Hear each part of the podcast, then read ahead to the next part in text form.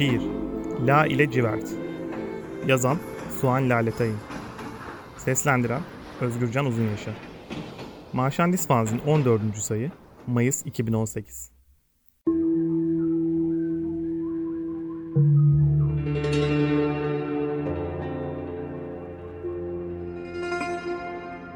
Yeni arkadaşlarına tatlandırıcı ikram ediyordu gerçekçi heykeli La'nın. Dünya yükünü heceleri ayırıp hırt çantasında muhafaza ediyordu elli perdeler. Aseksüel çocuklarda yatıya kalıyordu.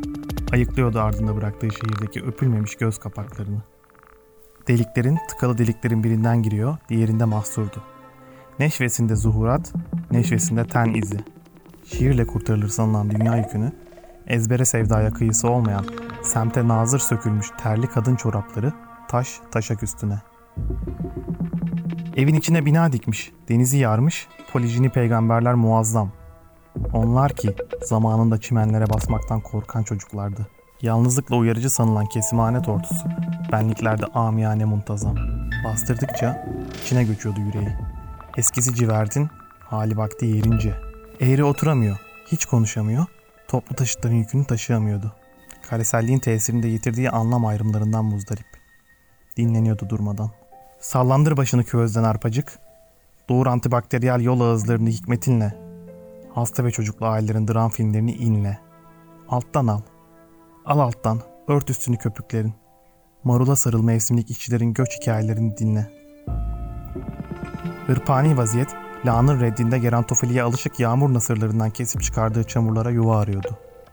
Ve kimseye söylemeyecek kadar çoğalmıştı hak ihlalleri. Dileniyordu durmadan. Evin içinde bina, benim içimde sen. Evin içinde zina, evin içimde kıyamet. Karasallı deliğine akıttığı cevheri süreyen müstesna. L ile zapt edilen kalabalık münazara öksüz bebek karnı sıvazlıyor. Bir daha gelinmeyecek evlerin adreslerinde izlenen sıkışık manzara hiç sevenlerimizi şaşkına çevirecek. Devir kokuşmuş bodrumlarda. Lütfen farkındalık stoğu. Devir, devren kiralık. Muhammed ilk vahyi alınca ona siktir deli diyen kavmin küstahlığına, Rabbim lağının yoksunluğuna, kabulü zor evcil sabahlar bağışla. Akışıyordu masadan fahri toynakları tutunulamayan canların. Yakışıyordu yalvar yakar tütünü ırmağın yüzüne yalandan gülünen ilnekleri. Şuursuzca fotoğrafladığı övünç kaynakları tükenmekteydi eskisi civertin. Takvimlerin bozuştuğu yarışlarda çıkardığı baştanları arıyordu sayı doğrusunda. Zemhiride şişelenmiş balgamlarla okunan zamansız bir hikayeydi bu. Almıyordu aklı fikri. Firarın tümel uzlaşım şenliklerinde inliyorlardı durmadan. Bir arkadaş kaldık ikimize.